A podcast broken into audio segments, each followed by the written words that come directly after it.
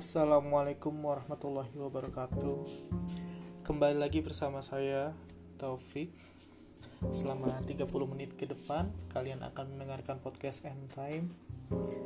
Yang di mana episode ini sebelumnya kita telah membahas mengenai Pengantar Islam Eskatologi Sedikit mereview mengenai episode sebelumnya Yang mana kita telah membahas tentang konsep tanah suci Israel atau Palestina yang akan menjadi pusat momentum kelak akhir zaman dan juga kita telah mempelajari salah satu kunci dari peristiwa akhir zaman yaitu second coming of Jesus atau kembalinya lagi Nabi Isa alaihissalam untuk menjelaskan tugasnya sebagai Mesias yang mewarisi tahta dari Daud alaihissalam untuk memimpin dunia dari tanah suci.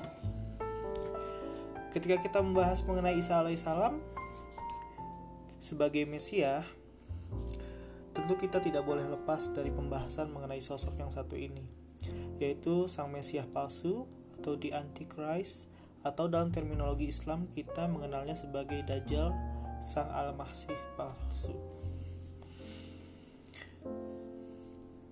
Sebelum Dajjal melaksanakan peran utamanya sebagai Mesias palsu, yang mana ini merupakan puncak dari fitnah, kita akan uji terlebih dahulu dengan fitnah-fitnah yang lainnya.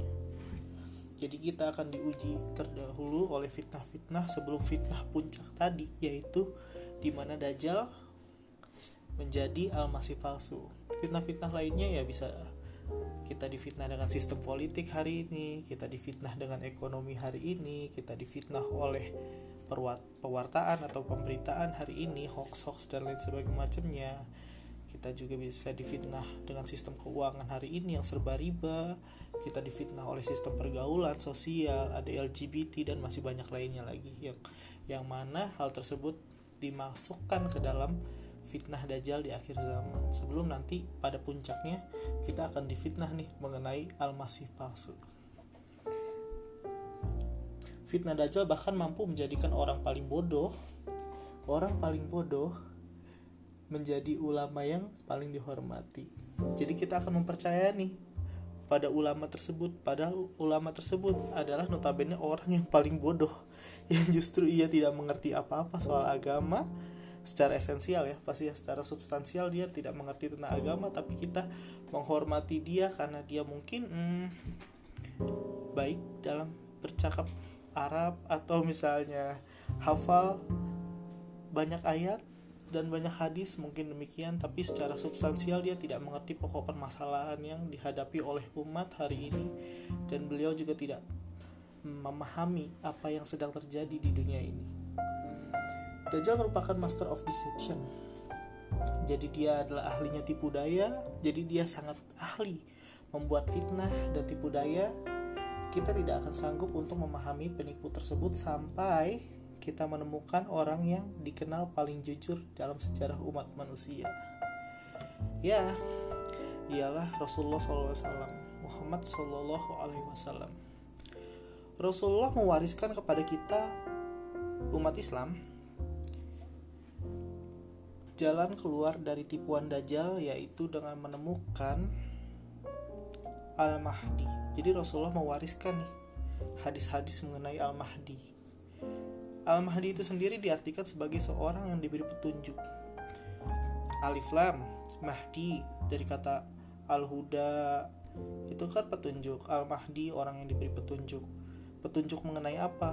Petunjuk yang lebih khusus karena Al-Mahdi akan berkenaan atau bersamaan dengan Ad-Dajjal itu sendiri. Jadi Mahdi merupakan pemegang kunci atau pemberi jalan keluar dari apa-apa yang Dajjal berikan jadi setiap tipu daya yang Dajjal berikan kuncinya ada di Mahdi.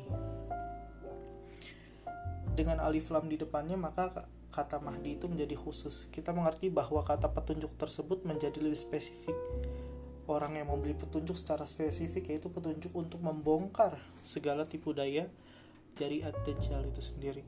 Maka dari itu subjek tentang Mahdi ini penting untuk kita ketahui dan kita pelajari agar kita bisa menemukan sosok siapa sebenarnya Al-Mahdi tersebut atau kita memahami apa yang akan dibawa oleh Al-Mahdi untuk membebaskan kita dari fitnah-fitnah Ad-Dajjal. Lain halnya dengan Nabi Isa. Nabi Isa adalah Al-Masih. Dan Dajjal adalah Al-Masih palsu jadi yang akan uh, menghadapi Dajjal di akhir zaman nanti itu adalah dua tokoh yaitu Al-Mahdi dan juga Al-Masih. Tapi yang akan membunuh Dajjal adalah Al-Masih yang asli. Untuk mengkonfirmasi bahwa Nabi SAW adalah Al-Masih yang asli dan Ad-Dajjal adalah Al-Masih yang palsu. Dan Al-Mahdi di sini adalah support untuk dari untuk Al-Masih tersebut. Apa itu Al-Mahdi? Siapa Al-Mahdi? Di mana Al-Mahdi sekarang? Bagaimana kita bisa menemukan Al-Mahdi jika kamu membayangkan bahwa sosok Al-Mahdi ialah pria kekar, tangguh, yang siap membasmi kejahatan, naik kuda, berotot, pedang, dan lain sebagainya gitu. Maka mulailah kamu sedikit geser deh pemikiran tersebut. Bahwa saya sosok Al-Mahdi yang akan lebih kental ialah dengan sosok cendikiawan yang memiliki kapasitas untuk mempenetrasikan hal-hal yang belum pernah kita sadari sebelumnya. Beliaulah yang akan mengingatkan kita tentang sungai dan api yang dibawa oleh Dajjal. Dajjal membawa sungai, ya kan, di tangan kanannya dan api di tangan kirinya yang mana padahal api tersebut adalah jalan menuju surganya Allah sedangkan sungai tersebut atau kenikmatan-kenikmatan yang akan diberikan oleh Dajjal itu adalah jalan untuk ke nerakanya Allah Subhanahu wa taala dan Al-Mahdi siap untuk membongkar itu semua. Siap untuk menyadarkan kita semua bahwa sungainya adalah api dan apinya adalah sungai. Dajjal akan memaksa kita untuk melihat segala hal dengan satu mata. Kita akan menilai segala sesuatu hanya berdasarkan dari materialisme atau sesuatu yang tampak atau sesuatu yang bisa kita lihat sedangkan kita tidak bisa melihat sesuatu itu tersebut dengan kedua mata kita atau mata hati kita dan lain sebagainya. Jadi Dajjal akan membuat kita menjadi seorang yang memaksa untuk melihat segala sesuatu hanya dengan sebelah mata. Ketika kita melihat sesuatu tersebut maka kita langsung menyimpulkan bahwa hal itu begini, hal itu seperti itu gitu. Sedangkan Al-Mahdi ialah orang yang akan memperingatkan kita untuk terus membuka kedua mata kita Al-Mahdi adalah sosok yang akan memperingatkan kita untuk bersabar dan tidak tidak gegabah atas segala sesuatu. Berpikir apa sebenarnya yang terjadi pada hari ini gitu. Dan apa yang harus kita siapkan untuk nanti. Dajjal akan mematikan hati yang hidup. Sedangkan Al-Mahdi dia menghidupkan hati yang mati. Dengan podcast ini saya akan menyampaikan metode dari Maulana Syekh Imran Hussein bagaimana agar kita dapat membaca fitnah Ad-Dajjal.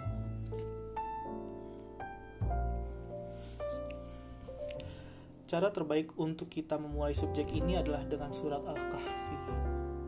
Rasulullah telah memperingatkan kita untuk membaca surat Al-Kahfi agar terlindung dari fitnah Dajjal ya kan?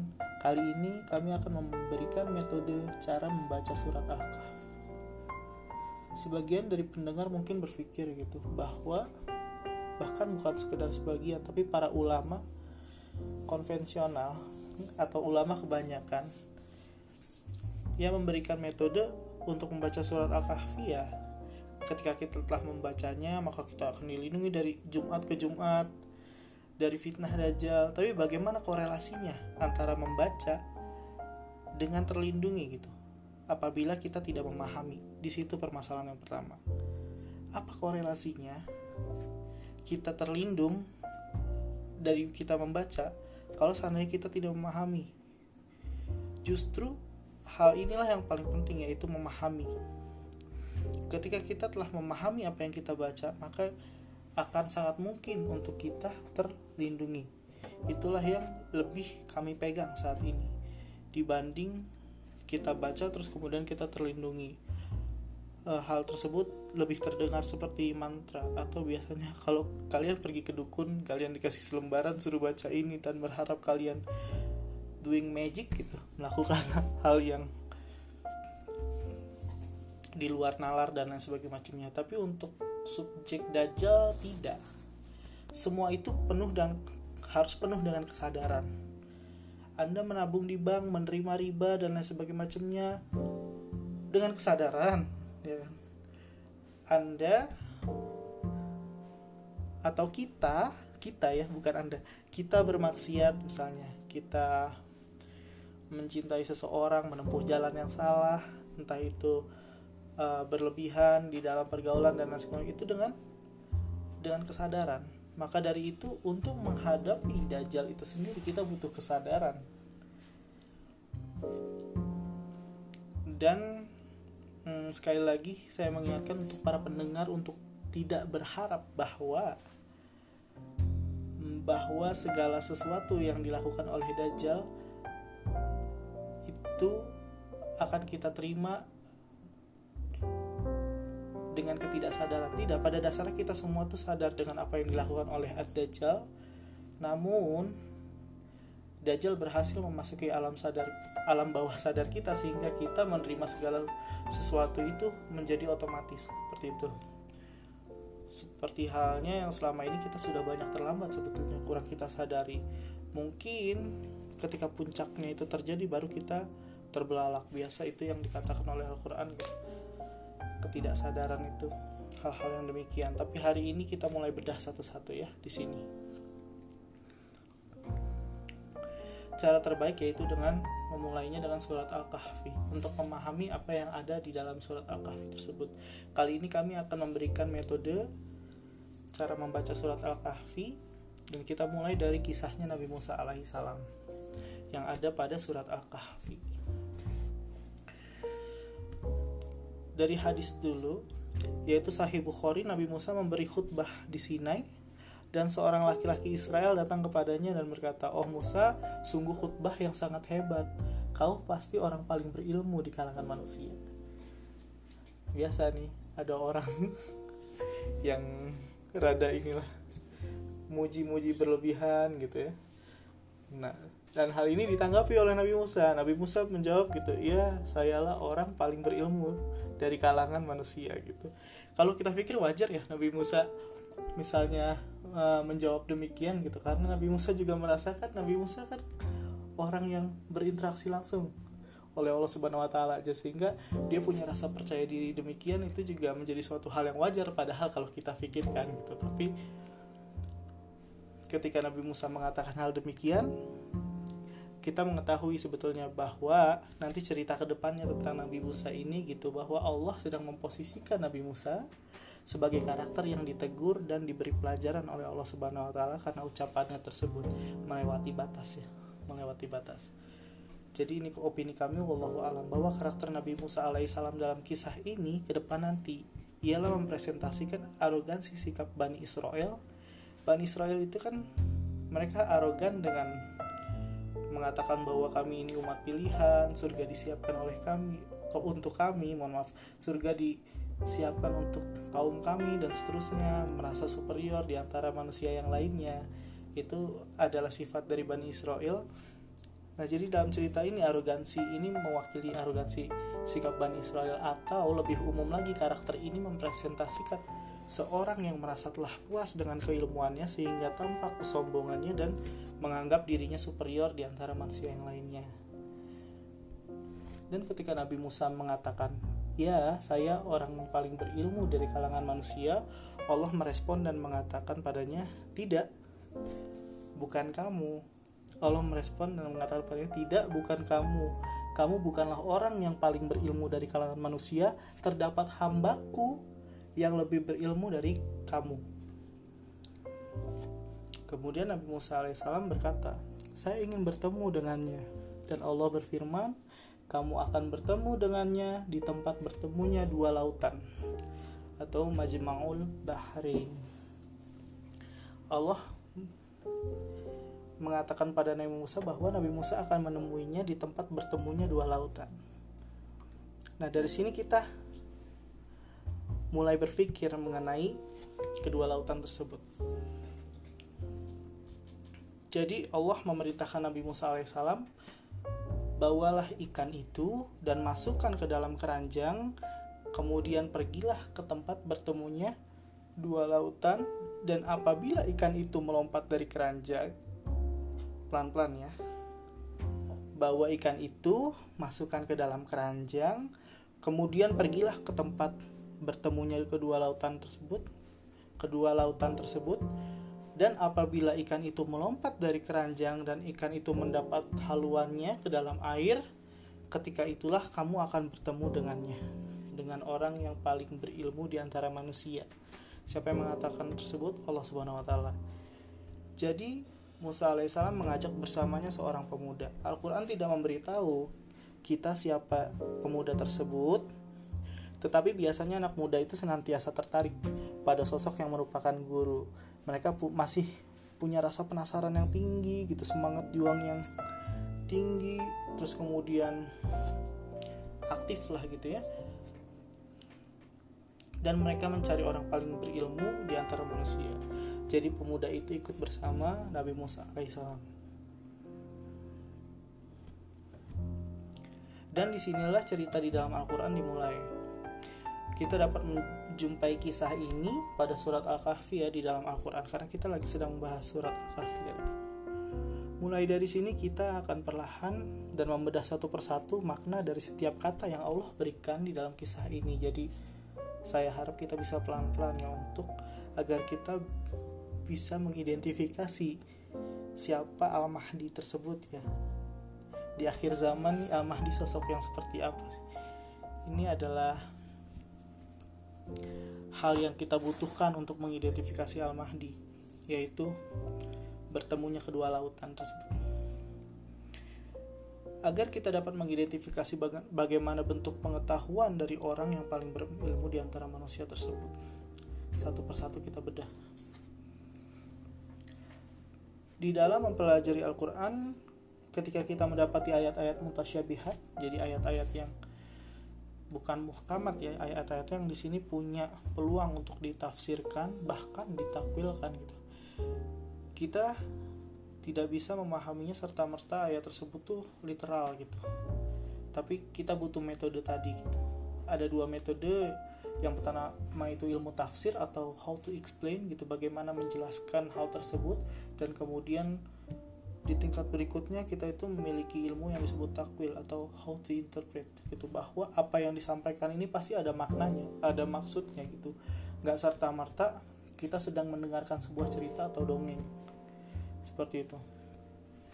Kita kembali ke dalam kisah pada surat al-kahfi tentang perjalanan Nabi Musa alaihissalam dalam upaya menemukan orang paling berilmu di antara manusia tadi. Jadi kita sudah memiliki alat nih dua alat. Yang pertama ilmu tafsir kemudian ilmu takwil gitu. Kita mulai nih brainstorming gitu ya. Kita mulai uji gitu. Bagaimana cara kita membaca gitu. Apa kita membaca hanya sebatas memahami dan mengikuti apa yang diliterasikan atau kita bisa menyelam sampai makna terdalam dan maksud sebenarnya. Karena Allah memberikan uh, pengetahuan kepada setiap makhluk atau kepada setiap manusia juga berbeda-beda porsinya tergantung upaya mereka untuk memahami itu. Kesolehan juga di situ berperan kemudian juga niat di situ. Terus bagaimana cara kita mempertanggungjawabkan ilmu itu Allah pasti lebih mengetahui itu. Mudah-mudahan kita di sini semuanya ikhlas untuk memahami apa yang sebenarnya sedang terjadi pada kisah ini dan kita bisa mengamalkan apa yang di apa yang ilmu yang kita dapat pada kisah ini menjadi perlindungan bagi fitnah dajjal ke depannya. Dan kita bisa menemukan siapa sosok orang yang ada di pertemuan dua lautan tersebut. Hari ini pun kita masih bisa menemukan orang tersebut kalau kita menyadari itu.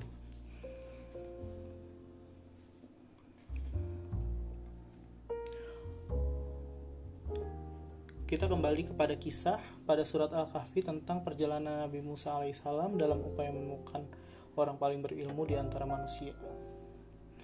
Allah berfirman dan pergilah kamu ke tempat bertemunya dua lautan. Dari perintah ini kita telah diuji oleh Allah dalam memahami pertemuan dua lautan tersebut. Apa kita akan memahami pertemuan dua lautan itu sebagai suatu hal yang literal atau Allah memiliki maksud lain atau ada makna khusus dari kata dua lautan tersebut yang itu mengindikasikan kepada orang paling berilmu saya meminta para pendengar sekalian untuk memposisikan diri sebagai Musa alaihissalam dalam kisah ini. Jadi, apakah Majma'ul Bahrain atau yang dimaksudkan hanya sebatas sebuah lokasi bertemunya dua lautan seperti contohnya Laut Atlantik dan Laut Pasifik yang saling bertemu dan kamu berpikir bahwa kamu akan bertemu dengan manusia paling berilmu di sana atau kita memilih untuk menginterpretasikan apa yang dimaksud Allah pada sebuah sistem pemaknaan atau kita mencoba untuk menafsirkan dan mentakwil itu semua. Yang mana uh, sebelum kita mencoba menafsirkan dan mentakwilkan saya akan mencoba memberi atau menginformasikan hasil dari pentakwilan Syekh Imran Nazar Hussein itu sendiri dan apa yang disetujui oleh Syekh Imran Nazar Hussein tersebut bahwa yang dimaksud dengan pertemuan dua lautan memiliki makna lebih dalam dari hanya sekedar lokasi. Imam Ba'adawi menyimpulkan apa yang dimaksud dengan pertemuan dua lautan bahwa ini merupakan bahasa simbolis. Dua lautan merupakan bahasa simbolis yang mana maknanya ialah kamu akan menemui orang yang paling berilmu di antara manusia, yaitu mereka yang memiliki lautan pengetahuan Ingat ya, ini yang pertama. Sisi lautan pengetahuan yang satu ialah kemampuan dia dalam observasi, literasi, kekayaan literasi dia atau sesuatu yang bersifat scientific knowledge yang sebagainya sebagainya yang ia capai dari luar dirinya external acquire gitu. Sesuatu yang bisa dia dapatkan dari luar gitu. Dari matanya dari telinganya dari segala panca inderanya yang itu menjadi pengetahuan bagi dirinya. Sesuatu yang biasa kita kita mendapatkan informasi itu dari mata kita seperti membaca, mendengar, melihat sebuah peristiwa. Jadi orang ini penuh dengan pengetahuan tersebut seperti lautan di dalam external acquire. Kemudian lautan berikutnya yang satunya ialah lautan spiritual insight, kesolehan, sesuatu bentuk pengetahuan yang ia terima langsung dari Tuhan terhadap dirinya sebagai penglihatan secara rohaniah yaitu rahmat dari Tuhan itulah bentuk keluasan kelebaran dari kedua bentuk ilmu yang dia harmonisasikan. Dia kombinasikan kedua ilmu tersebut secara menyeluruh. Itulah metode yang digunakan oleh orang paling berilmu di antara manusia. Nah sejauh ini kami setuju bahwa inilah penafsiran yang benar dari dua lautan yang dimaksud tersebut. Selebihnya pendengar silakan merenungkan sendiri maksud dari dua lautan tersebut apakah pendengar memiliki makna lain dari daripada hal yang telah disampaikan oleh Imam Ba'dawi tadi dan apa yang telah dikonfirmasi oleh Syekh Imran Nazar Hussein mengenai dua lautan tersebut. Apakah benar-benar Nabi Musa harus pergi ke tempat dua lautan tersebut atau dua lautan tersebut yang dimaksud oleh Allah itu adalah lautan pengetahuan di antara internal dan eksternal knowledge tadi. Begitu pula di akhir zaman kamu akan menemui. Jadi di akhir zaman kamu juga harus mencari dan menemui orang paling berilmu di kalangan manusia ialah mereka yang memiliki kedua lautan tersebut. Jadi dia bukan ulama yang sebatas menyelesaikan kurikulum-kurikulum fikih dia bukan tukang sweeping bukan tukang demo berjilid-jilid dan bukan orang yang hanya bertahmid dan bertahlil ribuan kali tapi lebih kepada dia orang yang menguasai dan memahami problematika global. Dia berbicara pada seluruh dunia. Dia memiliki bahasa yang dapat menguasai hati pendengarnya dengan cinta bukan dengan amarah. Dan dia diutus bukan untuk kaum tertentu tapi untuk umat manusia dan rahmat bagi seluruh alam. Itu orang yang harus kita cari sekarang untuk agar kita bisa terhindar dari fitnah-fitnah yang akan diberikan atau sudah diberikan pada saat ini dan untuk kita melepaskan diri dari fitnah-fitnah tersebut. Dialah satu-satunya orang yang dapat mempenetrasi akhir zaman. Dia satu-satunya orang yang dapat menjelaskan apa yang terjadi di dunia hari ini. Dan dia adalah orang yang sanggup merespon tantangan di akhir zaman. Dialah orang yang berdiri di antara dua lautan tersebut. Di dalam surat Al-Kahfi kita mengetahui bahwa orang yang sedang dicari oleh Musa alaihissalam ialah Khidir alaihissalam pada pembahasan kali ini kita cukupkan terlebih dahulu kita akan teruskan part 2 nya kira-kira di minggu depan Saya Taufik. Wassalamualaikum warahmatullahi wabarakatuh.